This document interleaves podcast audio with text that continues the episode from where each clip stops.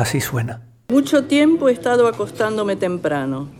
A veces, apenas había apagado la bujía, cerrábanse mis ojos tan presto que ni tiempo tenía para decirme ya me duermo. Y media hora después despertábame la idea de que ya era hora de ir a buscar el sueño. Quería dejar el libro, que se me figuraba tener aún entre las manos, y apagar de un soplo la luz. Durante mi sueño no había cesado de reflexionar sobre lo recién leído, pero era muy particular el tono que tomaban esas reflexiones porque me parecía que yo pasaba a convertirme en el tema de la obra, en una iglesia, en un cuarteto, en la rivalidad de Francisco I y Carlos V.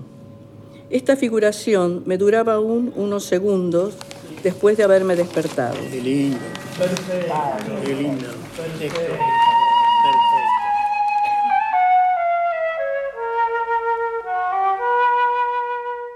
Esto es un repaso a las películas que proyectaremos en la pantalla compartida de Tabacalera durante el mes de enero del año 2021. Pensé al principio en poner los 10 primeros segundos de todas las películas del mes, en modo collage, en modo enumeración, en modo azar sonoro.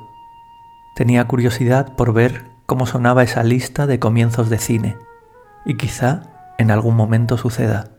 Pero hoy voy a probar otra cosa, mucho más sencilla, mucho más directa. Voy a contaros el mes de enero en el cine de Tabacalera y voy a ir repasando las películas que proyectaremos en la sala 1 algunas serán solamente nombradas, en otras os contaré algo. Pensemos que esto es un cine hablado. Podéis estar cocinando, durmiendo, conduciendo, viajando en tren, en la ducha, en el gimnasio, en la biblioteca, corriendo frente al ordenador, nadando en el mar, paseando o tranquilamente en el sillón de casa mientras fuera llueve. Y alguien, una voz, cuenta algo sobre una serie de películas se trata de que alguno de estos títulos os vayan sonando. Se trata de que alguno de estos títulos os dé ganas de venir a la sala de cine. Esto es un ejercicio de escucha, esto es un ejercicio de invocación, esto es cine con los ojos cerrados. Así suena enero en la sala de cine de Tabacalera. 1 de enero, El tiempo perdido, María Álvarez, Argentina, 2020. El caso es que cuando yo me despertaba así, con el espíritu en conmoción, para averiguar, sin llegar a lograrlo, en dónde estaba, todo giraba en torno de mí, en la oscuridad. Las cosas, los países, los años. Eh, la película con la que empezamos el año es un documental sobre un club de lectura de Buenos Aires que lleva 18 años leyendo y analizando en busca del tiempo perdido de Marcel Proust. Hay mucho de resistencia y de revolución, y de sencillez, y de humanismo, y de amor a la vida y a la literatura en ese gesto de leer en grupo y en voz alta. Nos parecía la película perfecta para iniciar la nueva temporada. Esto es lo que somos, queremos decir al programar este título, un cine público que programa películas para que las veamos en compañía, a finales del año 2017 proyectamos en nuestra sala la obra anterior de la directora, titulada Las cinéfilas. Seguro que la recordáis. Aquello era un homenaje a las mujeres que iban al cine en Uruguay, en Argentina, en la sala Doré de Filmoteca Española. Ahora el homenaje es para las lectoras del mundo. Los libros como lugar de resistencia y de refugio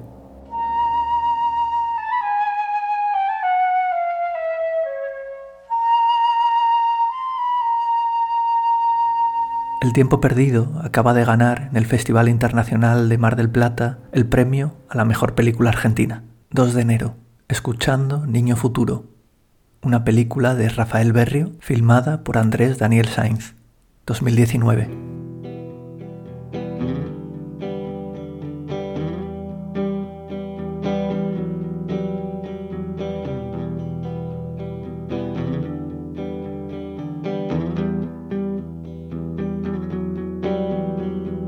Niño futuro. Esto es otro ejercicio de escucha.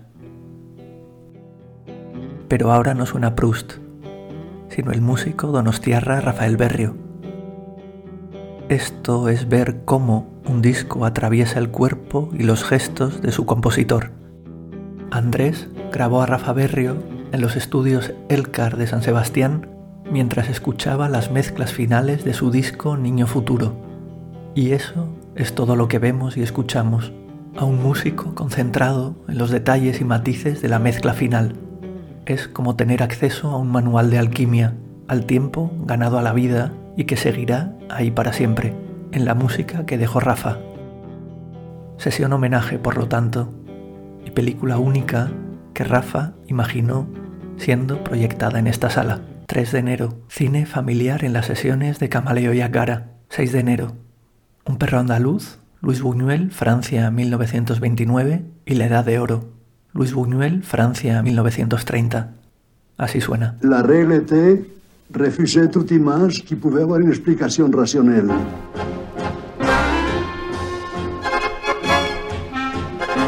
Este es Buñuel hablando en un documental sobre el origen de un perro andaluz mi idea para esta sección es que solo suenen fragmentos de las películas que vamos a ver en la sala y que esos fondos sonoros hagan de acompañamiento al relato sobre las películas. Página 129 de las memorias de Luis Buñuel, tituladas Mi último suspiro. Y dice así, sobre un perro andaluz. Esta película nació de la confluencia de dos sueños. Dalí me invitó a pasar unos días en su casa y al llegar a Figueras yo le conté un sueño que había tenido poco antes, en el que una nube desflecada cortaba la luna y una cuchilla de afeitar hendía un ojo.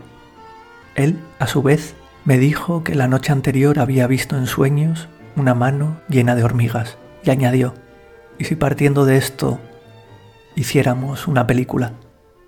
Comenzamos la retrospectiva completa al gran cineasta aragonés con estos dos títulos clave del arte surrealista y de la libertad. 7 de enero, Variety, Beth Gordon, Estados Unidos, 1985. Esto es puro cine underground de cuando Nueva York era el centro del mundo.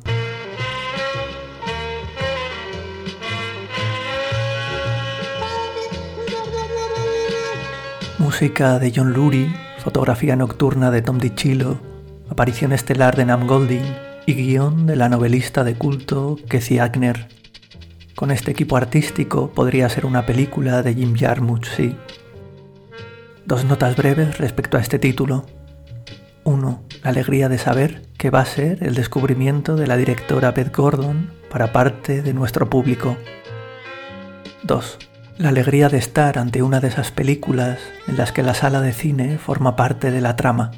Variety es el nombre de una sala porno cercana a Times Square, donde trabaja como taquillera Christine, la protagonista de esta historia de fantasías, obsesiones y soledad en la gran ciudad. Y una nota final. El cine como viaje. Ver esta película equivale a una madrugada deambulando por las calles que rodean el puente de Brooklyn. 8 de enero. El hombre que conocía el infinito. Matt Brown.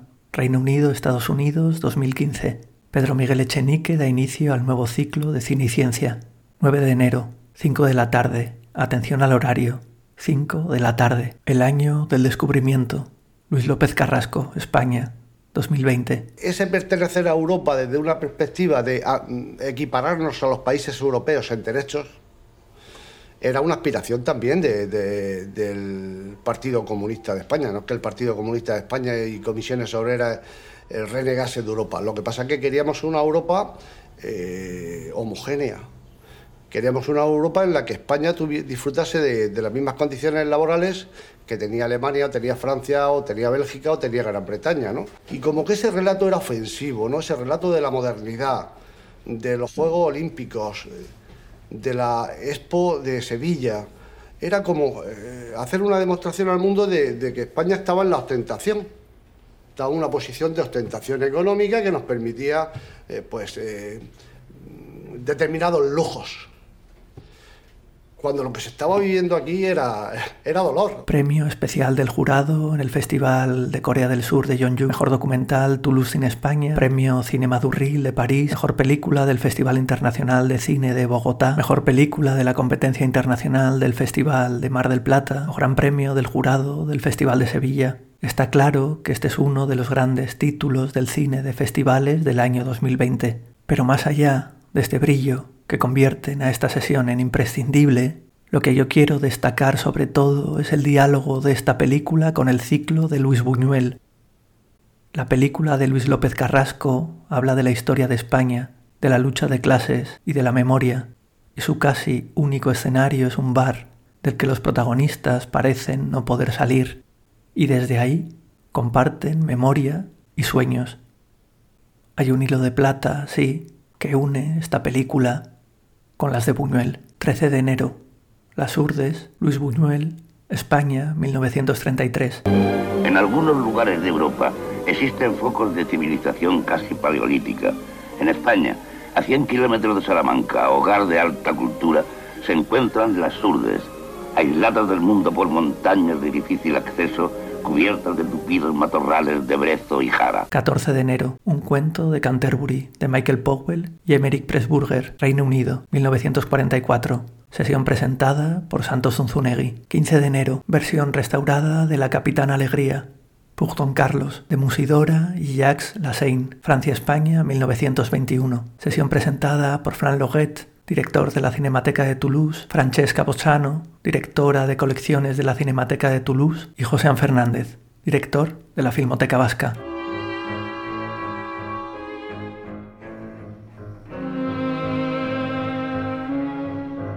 He aquí otro de esos hilos invisibles del mes, unido también a Buñuel, a su época, a sus orígenes artísticos. Musidora, directora de esta película restaurada, fue una de las grandes musas de los surrealistas por su papel de vampira en la serie de Feuillade. André Breton y Luis Aragón escribieron para ella una obra de teatro en la que todos los personajes tenían nombres que eran anagramas de Musidora.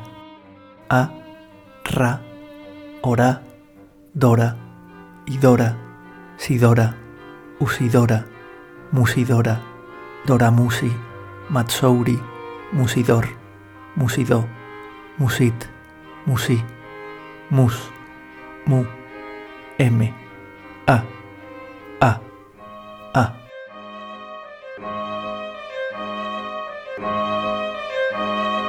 ...16 de enero... ...Sisetet Lamour... ...Patrick Chia...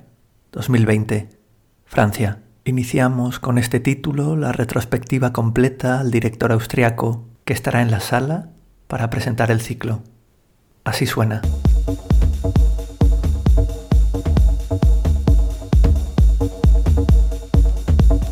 La película se llevó el premio Teddy al mejor documental en la Berlinale 2020. Chia construye su película a partir de una obra de la coreógrafa Giselle Bien, 15 bailarines en escena y una larga noche con forma de rave. Si antes hemos dicho que esto es un ejercicio de cine hablado, sobre la película de Chia diré que es un ejercicio de baile observado, que también es una forma de bailar. Ahora que aún no se puede ir a una fiesta rave en grupo, esto es lo más parecido a un baile salvaje y sensual de lo que vamos a poder estar en meses. El cine, otra vez, como viaje. 20 de enero, orígenes del cine hacia el surrealismo.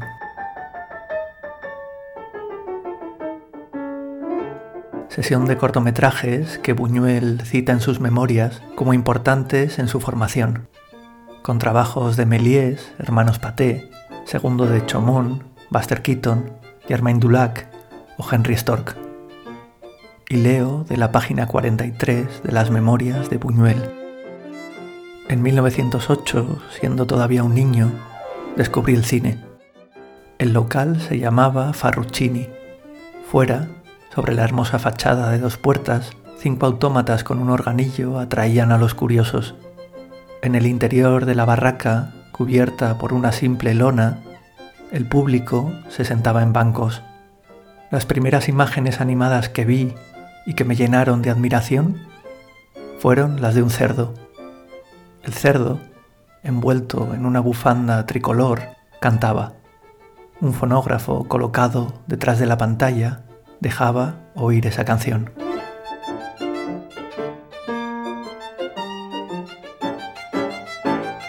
21 de enero, sesión programada por Eiquiñe Echeverría, Alejandra Frechero y Blanca Velasco, alumnas de la especialidad de comisariado de Elías Querejeta Sin Escola. 22 de enero, sigue el ciclo de cine y ciencia, Descifrando Enigma, The Imitation Game, Morzen Tildum, Reino Unido, Estados Unidos, 2014, sesión presentada por Aichol García Charri. 23 de enero, Brothers of the Night, Patrick Chiha, Austria, 2016. Esta es la película que nos hizo pensar en Fassbinder cuando conocimos el cine de Chia.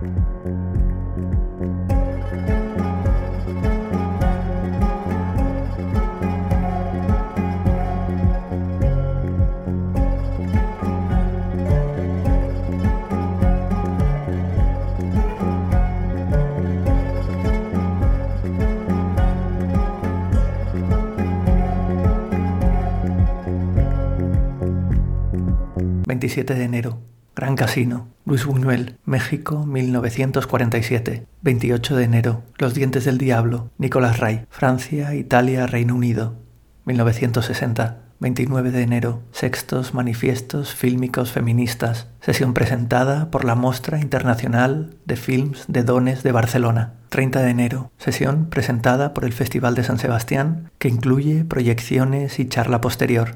Primeros pasos, nuevas narrativas, con trabajos de Celia Rico, Arancha Santesteban, Irati Gorostidi y Madi Barber. Fin del mes de enero. Así suena.